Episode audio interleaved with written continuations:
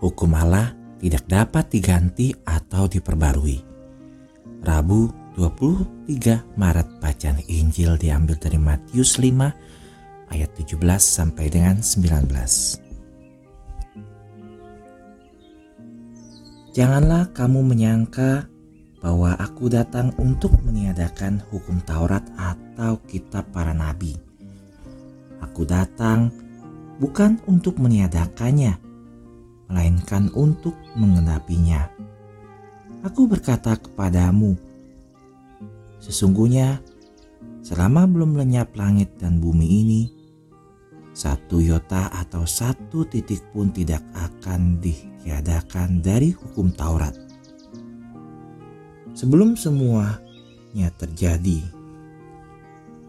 karena itu siapa yang meniadakan salah satu perintah hukum Taurat, sekalipun yang paling kecil dan yang diajarkan demikian kepada orang lain, dia akan menduduki tempat yang paling rendah di dalam kerajaan Allah.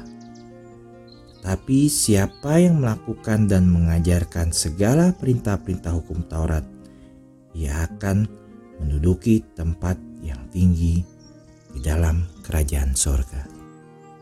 Sahabat, betapa mudahnya menyederhanakan Injil dan membuatnya tidak terlalu banyak menuntut.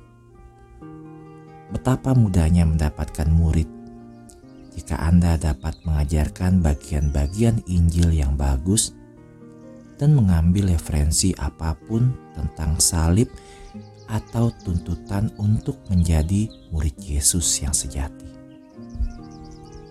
Tetapi Injil adalah firman Tuhan. Seluruh Injil dan bahkan tidak seorang pun berhak mengubah satu huruf pun ada cerita sahabat. Seorang uskup dari Afrika telah ditabiskan ia kembali ke kota asalnya. Di kota asalnya sebagian besar penduduk adalah non-Kristen. Dalam sambutannya, orang-orang mengungkapkan betapa bahagianya mereka karena salah satu dari mereka adalah memiliki akses khusus langsung kepada Tuhan. Kemudian mereka berjanji kepadanya bahwa mereka semua akan memeluk agama Kristen dengan suatu syarat. Dia berharap dengan wewenang uskup, dia bisa menyederhanakan satu dari sepuluh perintah Allah. Sebelum mereka mengatakan perintah mana yang ada dalam pikiran mereka, uskup muda itu mengejutkan mereka dengan mengatakan bahwa perintah itu berasal dari Allah dan oleh karena itu tidak dapat diubah.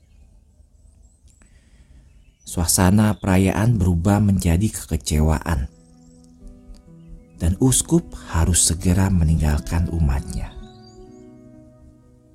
sahabat. Beberapa orang mungkin meminta pengurangan tanggung jawab moral mereka. Ini seperti seseorang yang mengganti dokternya karena dokter telah memintanya untuk melakukan diet. Orang tersebut berpikir bahwa tablet pasti lebih mudah untuk diminum. Minum obat bisa jadi lebih mudah daripada mengikuti diet. Tapi obat bukanlah yang dibutuhkan pasien itu. Maria, Bunda keadilan, bantu aku mencintai hukum Allah dan memenuhi perintah-perintahnya sepenuhnya. Bunda Maria, harapan kita dan tata kebijaksanaan, doakanlah kami.